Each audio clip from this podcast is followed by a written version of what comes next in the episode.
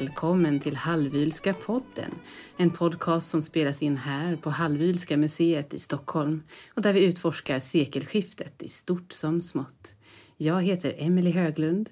Och vad kan väl passa bättre att gräva ner sig i just så här års än julfirandet? Julen har ju kommit att prägla bilden av vårt museum och många kommer hit för att hitta stämningen inför helgerna. Och på sätt och vis är väl det lite märkligt för att julen är ju inte överdådig här i det halvjulska hushållet. Men det är som att stämningen sitter i väggarna och det är ju någonting med julen och sekelskiftet. Med mig här idag för att lotsa oss in i det här ämnet har vi Klara Gustafsson som ju arbetar här på museet. Välkommen Klara! Tackar, tackar! Och Håkan Liby eh, som tidigare har varit verksam på Upplandsmuseet och gästat oss eh, i andra sammanhang då du föreläste om drömmen om en Fanny och Alexander-jul här hos oss. Just det. Ja, välkommen Håkan! Tack så mycket!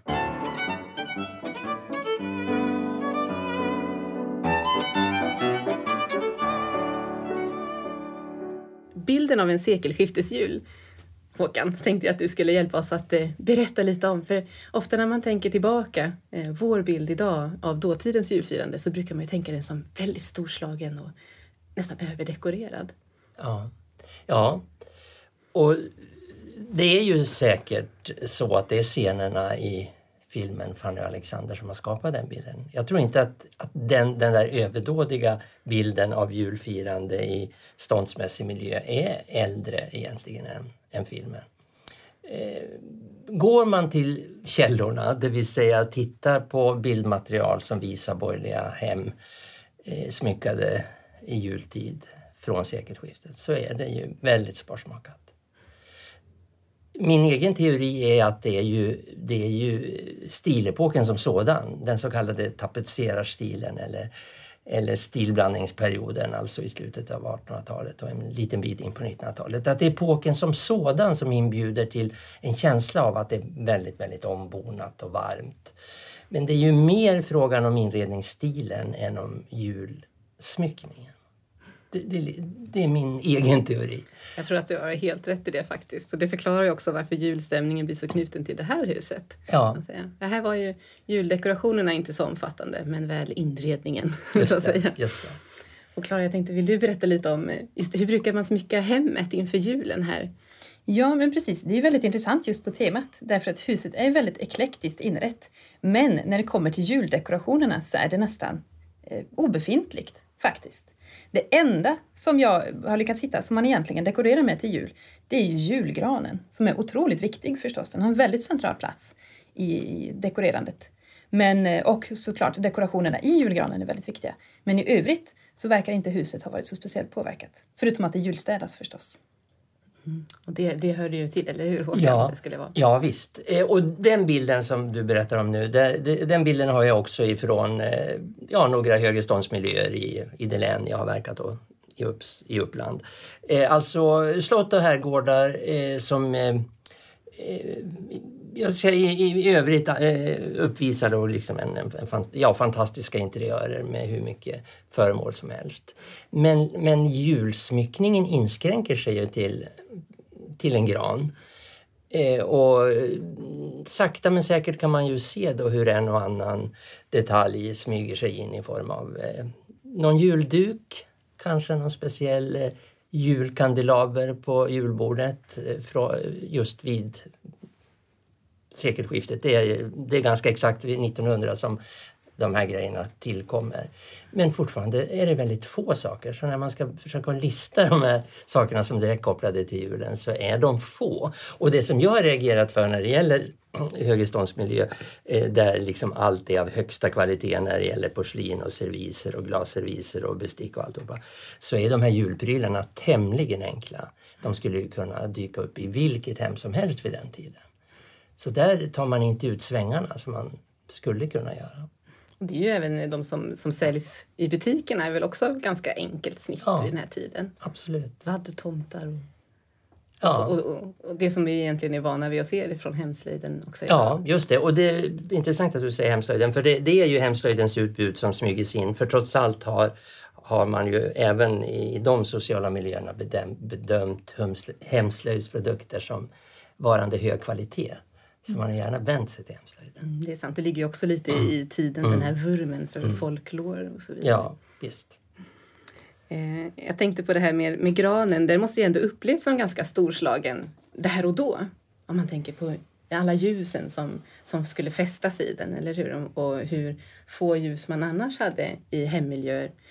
Där undantaget Hallwyl kanske, som ju var ett väldigt välupplyst hem med elektricitet redan från början och så vidare. Men att det, det känns som att det skulle kunna varit någon sorts ljusfenomen nästan. Ja, och det, det tror jag att det var från början. Den, den äldsta beskrivningen jag har hittat i, i, från Uppland, då, jag har ju koncentrerat mig på Uppland i hela mitt yrkesliv, eh, det är på ett gods i slutet av 1700-talet. Och då, då beskrivs ju eh, granens ljus och ljuständning precis som du säger som ett ljusfenomen där alla andäktigt begrundade ljuständningen. Alltså det, det måste ha varit något helt, helt fantastiskt. Så ljusen i granen har ju absolut varit den viktigaste eh, detaljen i hela julfirandet tror jag. Och här i huset så fanns det också en särskild ritual kring ljuständandet och släckandet. Klara. Ja, precis. Jag har letat upp ett litet citat härifrån eh, vårt så kallade katalogverk som Wilhelmina själv varit med och skrivit. Hon berättar då till exempel om hur granen ser ut. För den fotograferades nämligen 1920. Och hon skriver att den har sett likadan ut sedan 1880-talet. Så den är väldigt traditionsbunden, hennes julgran. Och på fotografiet så ser den ut som följer. Ehm, fotografi av julgranen visande den i matsalen julen 1920. Stående julgranen i full klädsel med alla ljus brinnande.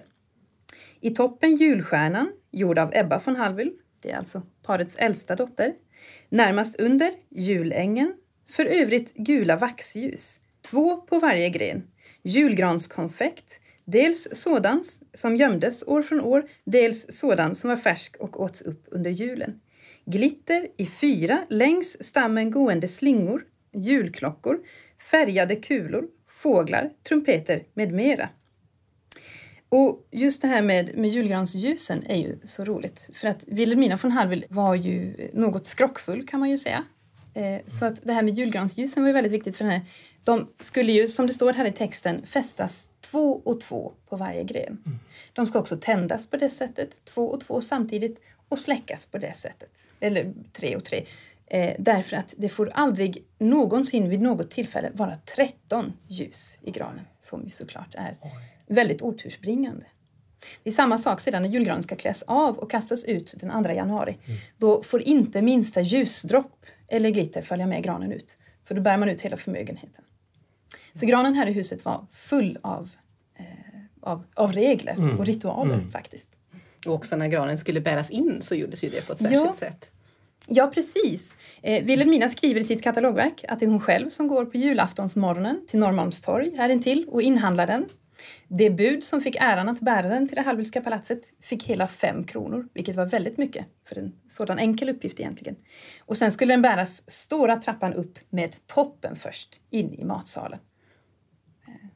Det, Samma varje år. Vilka detaljerade uppgifter. Det, och jag tycker det där är fascinerande, det sista du säger.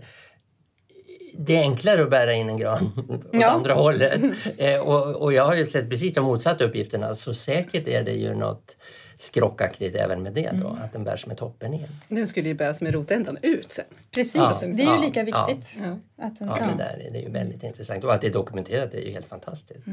Och det här är ju någonting som vi lurar på lite grann. Den här skrockfullheten var ju Ja. också ganska trendig just kring Ja. sekelskiftet. Fanns det överlag en, en skrock förknippad med julen?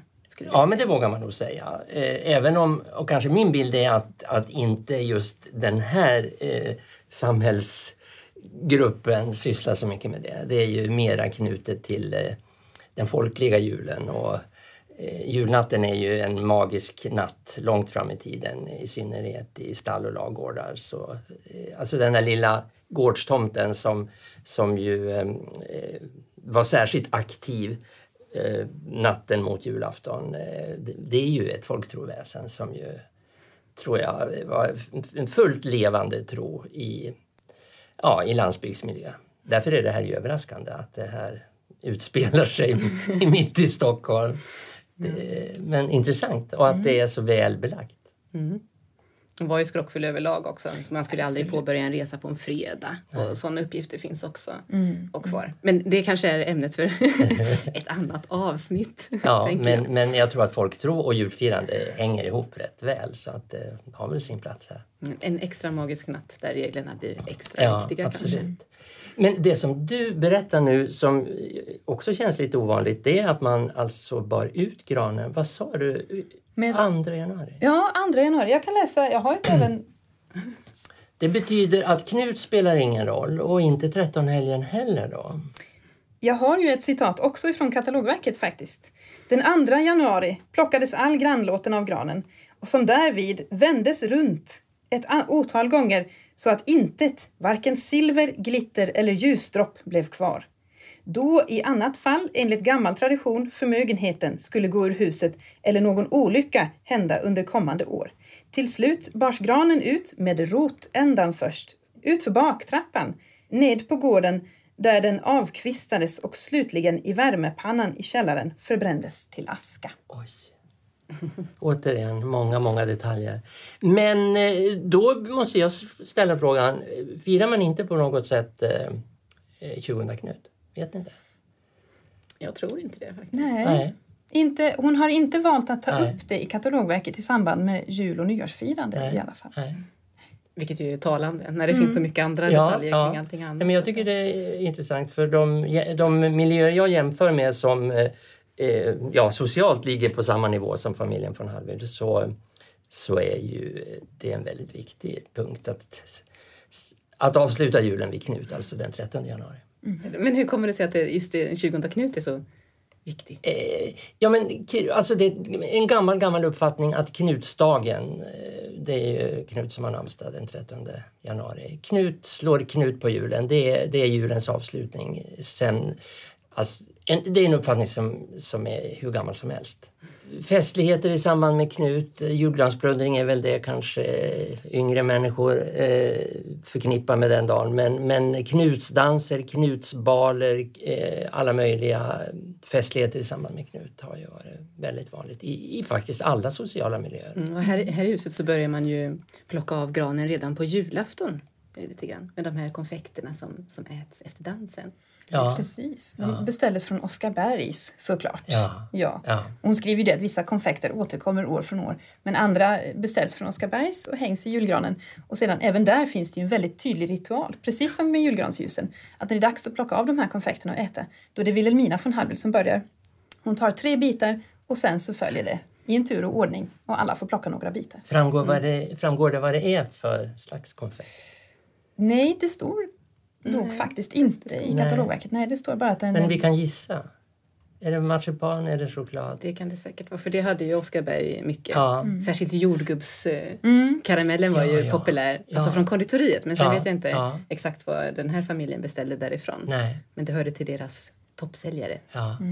För annars vid den här tiden är det ju så vanligt med, med kristyrfigurer av alla dess slag. Men de är ju stenhårda. Det är ju sockermassa som man kan väl äta om man, om man vill men det är ju inte särskilt tilltalande. Men sådana detaljer nämns inte här, vad, vad, vilken konfekt det är frågan om. Nej, det gör det inte. Men kristyrerna är någonting jag föreställer mig kanske då i så fall är det som återkommer Ja, år från år. just det det. hon sparar. Ja, för de blir bara hårdare och hårdare och Ja. hållbarare och hållbarare. Men lika, men lika vackra från Ja. år till år. Mm. Ja. Ja. Men det är inte kruskaramell i alla fall, det vet vi. Det fanns Nej. ju inte i herrskapets gran. Men däremot i köket, Ja. i eh, tjänarnas alldeles egna gran. Precis. Hade de. Där de hade en liten annan eh, utstyrsel i granen, eller hur Klara? Hon avslutar hela stycket angående julgranen med att säga att i- tjänarna hade sin egen gran i köket, men kring den fanns inga specifika ritualer. Men i den då så hängdes till exempel svenska flaggan som inte fanns i herrskapets gran Nej. och också då kruskarameller Ja. som inte heller fanns i herrskapets gran. Nej. Precis. Ja, det här är ju intressanta perspektiv som naturligtvis har med, ja, med klass att göra.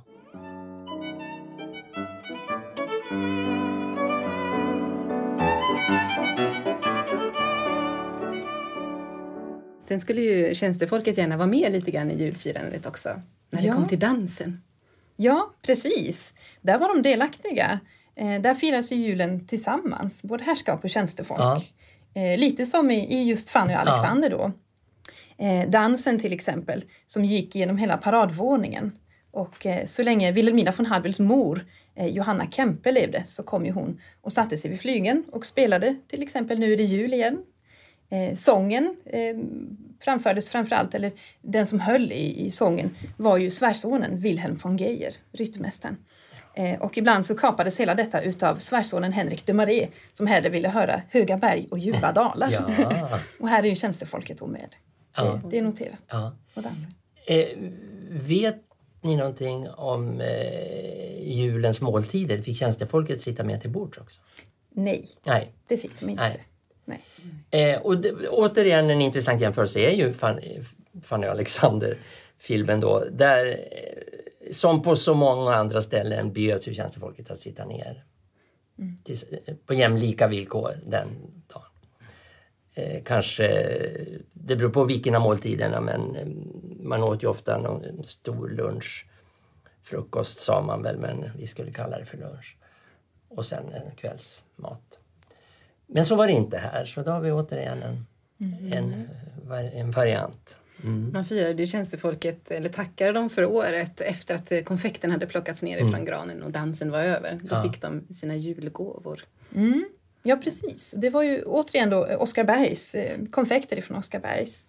Eh, och faktiskt eh, kring sekelskiftet då en 100 kronors sedel i ett kuvert. Och det är ju alltså så att man ska förstå faktiskt en enorm summa pengar. Det är intressant att jämföra med Husand som arbetade här då.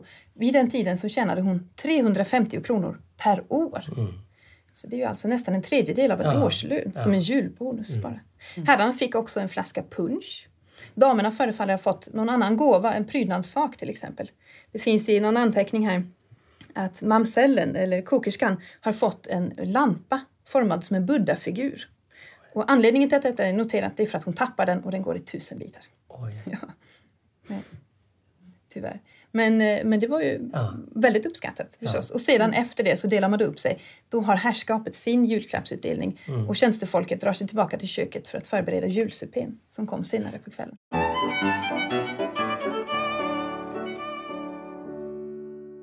Ja, men då glider vi helt omärkligt över till just julsupén. Och vad, vad var det man bjöd på här i huset? Ja, julsupén är ju också väldigt intressant. Eh, därför att vid den, vid den här måltiden, som ju då är kan man säga den sista måltiden på julafton innan man går till sängs eller drar sig tillbaka, eh, då sattes faktiskt damerna vid ett eget bord och herrarna vid det större bordet. Och Wilhelmina beskriver det här i sitt katalogverk och hon skriver på följande sätt. Klockan nio på kvällen dukades stora bordet i matsalen till julbord. Med skinka, lutfisk, smör, bröd, olika assietter, gröt och smörtårta. Damerna sutte under supén vid lilla bordet innanför dörren till hallen och blev serverade, medan herrarna satte sig vid, vid julbordet och skinkan. Som stod, här får ni hänga med nu, för det är också väldigt specifikt vart julmaten ska placeras på bordet. Eh, och julskinkan som stod på den åt serveringsbordet vettande bordsändan medan lutfisken placerades å långsidan åt fönstret till, gröten å motsatt sida eller åt buffén samt smörtårtan på andra bordsändan. Till skinkan tog herrarna ett par snapsar samt drucko vanligt öl. Till smörtårtan serverades madeira, annars bjöds rödvin åt den som ville ha. Mm. Här ska också Ja. tas upp någonting, en, en liten egenhet som huset hade och det är ju det här med mandeln i gröten. Paret von Hallwyl hade ju ingen mandel i gröten. De man fick vara lite försiktig när man åt. För där fanns nämligen en liten, liten porslinsdocka. Inte mycket större än en mandel faktiskt. Och alldeles vit. Och alldeles vit. Ja. Det Fast den hade brunt hår Det i alla låter fall, det farligt fanns för både tänderna Ja. och... Det var det ju också. En av svärsonerna bet faktiskt av sig en tand på den här dockan. Ja. ja, och symboliken om man fick dockan. Jag vet inte om det framgår av våra detaljerade beskrivningar här. Den vanliga- Det kanske är där du får gripa in. Ja, men det vanliga med en mandel är ju att den personen eh, ska bli gift under det kommande året. Och då eh, vart det där ju ofta ett komiskt och kanske lite ironiskt och elakt inslag därför att det kunde ju vara någon gammal fröken. Det finns sådana berättelser jag stött på flera gånger som verkligen eh, inte var i någon giftasålder eh, som fick mandeln och då vart kunde det bli väldiga skratt och, och ja, säkert eh, skämt av det slaget som inte var trevligt för den drabbade. Men en liten porslinsdocka, det borde betyda något annat. Ja, kanske. De, de flesta var ju också gifta. Vidare. Mm. Det här huset byggdes ju efter Ja. att alla döttrarna redan Ja. var utflugna så att säga. Men det kanske betyder det nya året. Det kan ju ibland eh, eh, symboliseras av ett litet barn. Ja, det är sant. Ett förstås. kommande ly- lyckligt år. Nya sy- symbolvärden som dyker upp efter Ja. giftermålet. Men jag undrar lite grann över det här med bordsplaceringen också. Att damerna satt vid ett bord och de Ja. blev serverade av betjäningen som du berättade Klara. Eh, Medan herrarna satt vid ett annat och de försedde sig själva. Hur typiskt är det här? Ja, alltså just vid en supé. Det låter märkligt tycker jag just eh, vid den här måltiden för eftersom julaftonen är liksom det är ju den dag på året när familjegemenskapen och, och eh, liksom familjekänslorna är som allra, allra starkast. Så, eh, men jag associerar ju till en sed som jag har stött på många, många gånger. Den, den- den seden som går ut på att man inleder en måltid med så kallat brännvinsbord. Alltså det är en sed som man kan spåra ända till senmedeltiden. Att herrarna samlas före måltiden för att dricka brännvin och äta lite salta tillbehör. Det brukar vara en lagrad ost, eh, kanske någon saltfisk. Eh, och som det framgår just i jultid, ett rökt grishuvud som man karvade av köttet på. Damerna satt vid ett eget bord under den här eh, ceremonin när herrarna njöt av brännvinsbordet och väntade på att de skulle äta färdigt så att man fick sätta sig vid bordet tillsammans. Där var det en väldigt strikt uppdelning mellan män och kvinnor i hushållet. Så att eh, det, det blir min koppling men, men eh, det här låter lite speciellt att, att man satt var för sig under själva supén. Ja, det kanske också ska nämnas att Walter von Hallwyl var ju schweizare. Det är klart att det är traditioner som har kommit därifrån också med honom Ja. in i, Ja, i hushållet. Ja, Precis. Så Wilhelminas föräldrar kom ju från eh, svenska Pommern också. Ja, precis. ja. Ja, det är klart Så att att det det kan ju vara lite tysk-schweiziska Ja, seder absolut. också i det här huset. Säkerligen. Men eh, uppfattar jag rätt, borden står i samma rum i alla fall? Ja, Så de är ganska nära varandra? Ja, det är de ju. Och det är också lite intressant. De, de ser ju verkligen varandra. Ja. Men, eh, och damerna sitter vid betydligt mindre bord då och blir serverade. Och herrarna, som jag läste upp då, där sitter de vid det stora bordet och rätterna är framställda framför dem och de plockar själva istället. Förväntas herrarna äta mycket, mycket mer och ska ha närmare till skinkan och kunna stoppa i sig Det är kanske det. De, mer? de var att det- kanske inte lika hårt korsetterade. som, som, Ja, men alltså man får sådana tankar när, Mm. när man hör det här.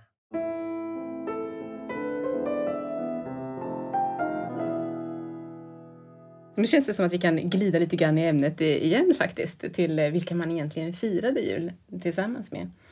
Ehm, Och här i huset så, så fanns det ju en liten sordin som alltid låg över julfirandet trots allt på grund av en mycket tragisk händelse. Klara, om du vill berätta. Ja, eh, jag har hittat ett citat här ifrån Wilhelmina. Eh, och där skriver hon då 1871. Julen på Erikslund där Elma 23 december dog genom förgiftning. Ebba och Ellen hade en färglåda och målade. Elma sprang omkring och tog en bit grön färg i munnen utan att någon såg det. Blev strax sjuk och inom några timmar så dog hon. Eh, och det är ju parets tredje dotter, lilla Elma, som inte är äldre än ett, ett och ett halvt ungefär, som är med och leker med sina äldre två systrar, Ebba och Ellen. Eh, och i all hast när, när alla tittar bort så stoppar hon en bit i munnen. Och grön färg, målarfärg då, vid den här tiden innehöll ju arsenik. Så hon dog ju i arsenikförgiftning. Och sedan kan man lite senare läsa som Wilhelmina skrivit Jag behövde år innan jag återfick mitt vanliga lynne.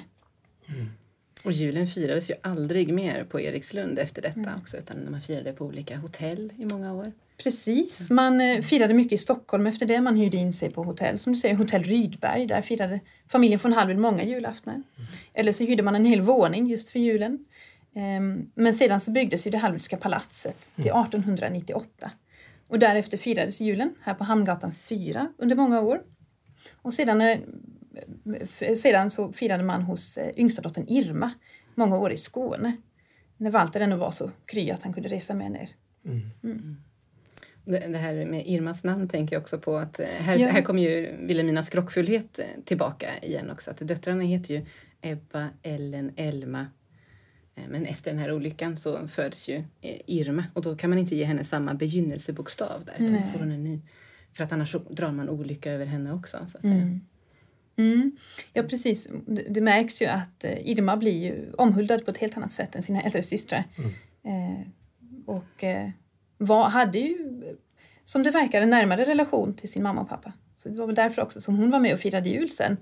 Nästan alla jular efter det. Och hennes barn kan jag ju passa på att nämna här. Ja. Erik och Margit. Eh, yngsta dottern Irmas barn alltså, Walter och Wilhelminas barnbarn. Ja. Det var tradition nämligen att de satte upp ett litet julspel. Väldigt festligt. Eh, och klädde då ut sig, det ligger mycket möda bakom detta. Och fotograferades och sedan så gavs det till Wilhelmina som present. Och de klädde till exempel ut sig till, till fe och prins, eller panser, små blommor alltså. Eh, dag och natt eh, och solen eh, var de tillsammans med ett krigsbarn som bodde hos dem på Vegeholm ett år. Eh, och eh, det här var ju en väldigt uppskattad tradition faktiskt. Och alla de fotografierna finns ju här i- samlingarna. De är väldigt roliga att titta på. Ja, I rökrummet finns ett jätterart fotografi Ja. är snöbollar. Ja, med jättestora vita mössor och vita pälsar. Och så ligger det två stora snöbollar framför dem på, på golvet.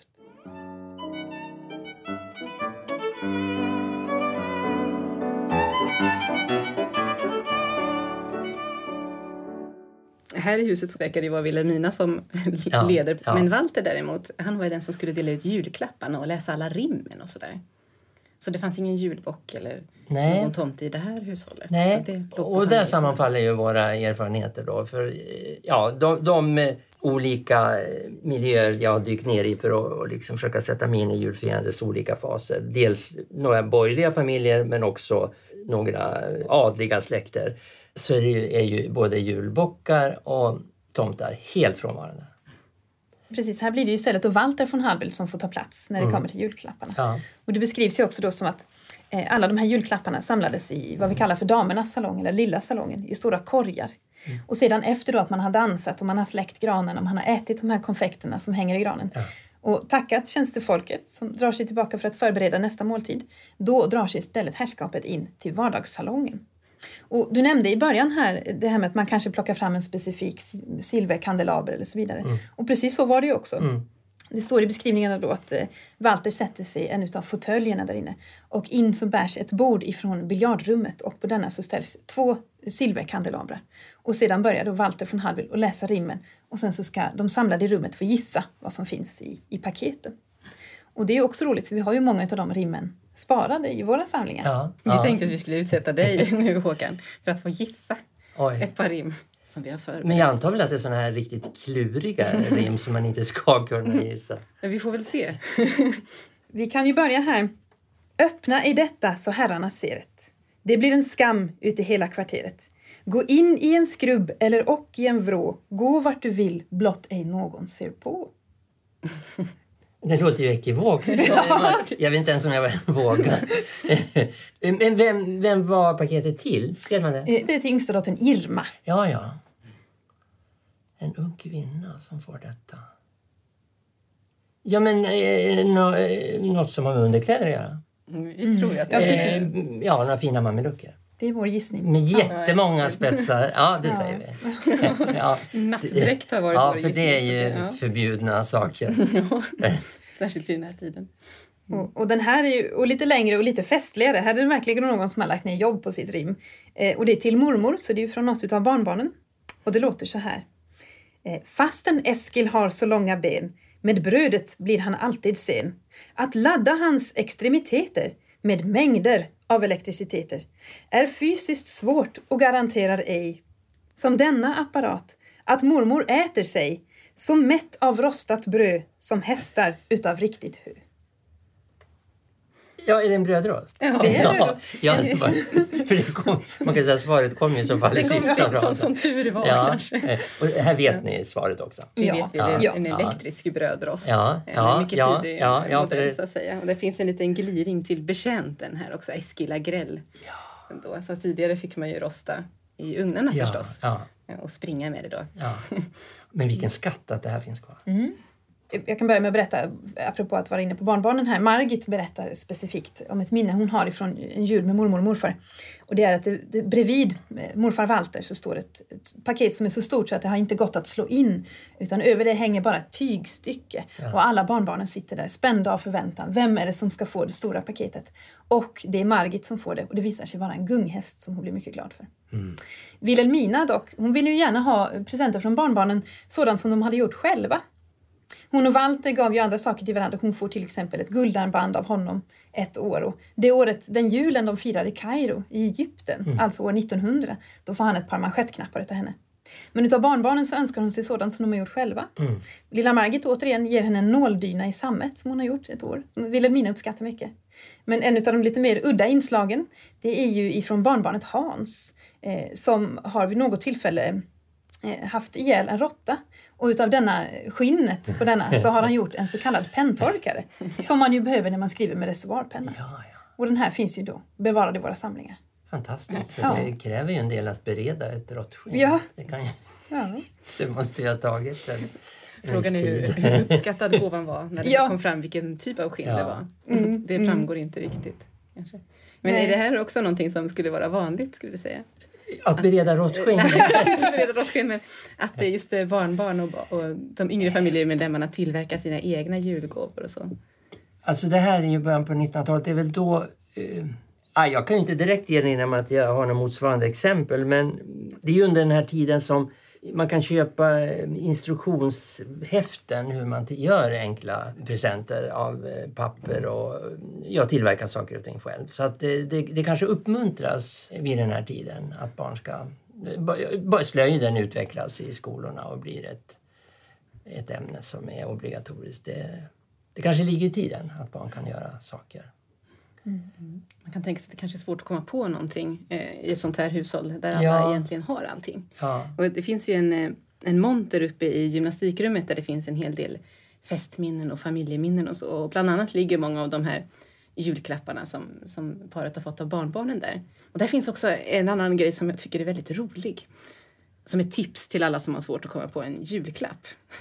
så finns det där en mekanisk gris som man då vrider upp Eh, och när den springer så jagas den av en liten pudel som biter den i svansen. Oj! Om man behöver muntra upp stämningen liten, hemma. En liten mekanisk leksak är det frågan om? Alltså. Ja, precis. Av plåt kanske? Nej, det är nog faktiskt inte. Nej. Den är ju plåt invändigt förstås och har en sån här nyckel som man vrider upp. Men eh, pudeln är tämligen fluffig. Ja, ja. ja. Ska vi ge oss in på detta med nyåret kanske? Ändå? Ja, precis. Eh, hur firar man nyår? Det var ju inte en jättestor högtid i det här hushållet, eller hur Klara? Nej, precis. Eh, det är en enklare tillställning egentligen. Det som var viktigt, väldigt traditionsbundet, det var att klockorna skulle gå precis rätt. Så det fick ju tjänstefolket gå runt och se då så att det, det blev rätt vid tolvslaget sedan. Eh, man skålade punch vid tolvslaget och tidigare på kvällen så har man också stöpt i bly i serveringsrummet för att se hur det nya året kommer att gestalta sig. Mm. Mm. Så det var ju och då kunde man ju tyda de där eh, blyklumparna på olika sätt. Var det ett kors? Det var inte så bra. Det betyder död. Precis, men om de var lite skrovliga kunde det betyda pengar. Mm. Eh, kommer att eh, tillkomma pengar på något mm. sätt eller lycka och kärlek och så vidare. Mm. Och när härskapet har stöpt i bly så är det dags för eh, tjänstefolket och sen så hjälpte härskapet till att tyda vad det kunde betyda för någonting. Ja. Mm. Så där fick också alla vara med? Ja, precis. Ja. Mm. Och tolvslaget var viktigt? Tolvslaget, eh, då, då skålar man ju punch som ja, sagt. Ja, så man så vakade att, in det nya ja, ja. För eh, min, min bild då av de studier jag har gjort i några olika miljöer är ju att det firas väldigt, eh, eh väldigt enkelt. Och att tolvslaget inte alla gånger var så viktigt heller. Utan eh, Eh, Eh, det var en, en helgdagsafton med lite festligare mat än vanligt. Men eh, så som vi uppfattar nyårsfirandet idag, det, det finns ju ingenting av det i slutet på 1800-talet och kring sekelskiftet. Men sen började det bli vanligt här i Stockholm, men det, eh, det var ju att gå till Skansen eh, och lyssna på Anders de Wall som läste Nyårsklockorna. När Ganska tidigt. Ja, det är, början, det är väldigt tidigt. Det är början på 1900-talet. Mm. Så det borde nästan kunna innefatta den, den här ti- tiden ni beskriver. För vi Ja, det- förstår ju på Wilhelmina att eh, eh, nyårsfirandet är någonting som eskalerar under hennes levnad i Ja. alla fall. Ja, precis. Ja. Och där har jag ett, ett sista citat så att hon ska få komma till tals här. Wilhelmina, eh, och det här, jag tror att det kommer ifrån återigen då årsanteckningarna. Och det här är ju 1929. Och Wilhelmina dör ju sedan 1930 så här är hon ju verkligen till åren kommen. Hon är ju mitten på 80-årsåldern. Och hon skriver så här. I min ungdom brydde sig ingen om nyårsafton. Nu är det som i utlandet. Gudstjänst, klockringning från kyrktornen och patrasket ute på gatorna för värre oväsen än i utlandet. Nästan allt som görs i Sverige, ont eller gott, så görs det med överdrift. Och där kan man ju undra vad Wilhelmina von Hallwyl skulle tycka om vårt nyårsfirande och kanske julskyltning och allting som växer från år till år, eller vad säger ni? Jag tycker det är festligt att hon kallar dem för patrask, människorna ute på gatorna. Man kanske kan ursäkta det som ett äldre ord, eller? Ja. Jag vet inte. Ja, det tror jag. Ja, det här kan ju vara någonting som man kan, eh, om man inte uppskattar julen så mycket, kanske citera och muttra för sig själv på gatorna när man går fram. Nu antar jag att det här inte gäller er lyssnare eftersom ni lyssnat på oss så här länge. Eh, jag hoppas att ni har eh, hittat lite inspiration och njutit av stämningen här hos oss. Tack för att ni har lyssnat och tack också till Klara för att du kom hit och din grundliga research som du har gjort inför detta med alla citat. Och tack Håkan för att du kom hit och delade med oss av, eh, delade med dig av eh, ditt djuplodande kunnande kring jultraditionerna vid sekelskiftet. Tack själv. Och såklart så vill vi önska en god jul och ett riktigt gott nytt år och god fortsättning. På återhörande.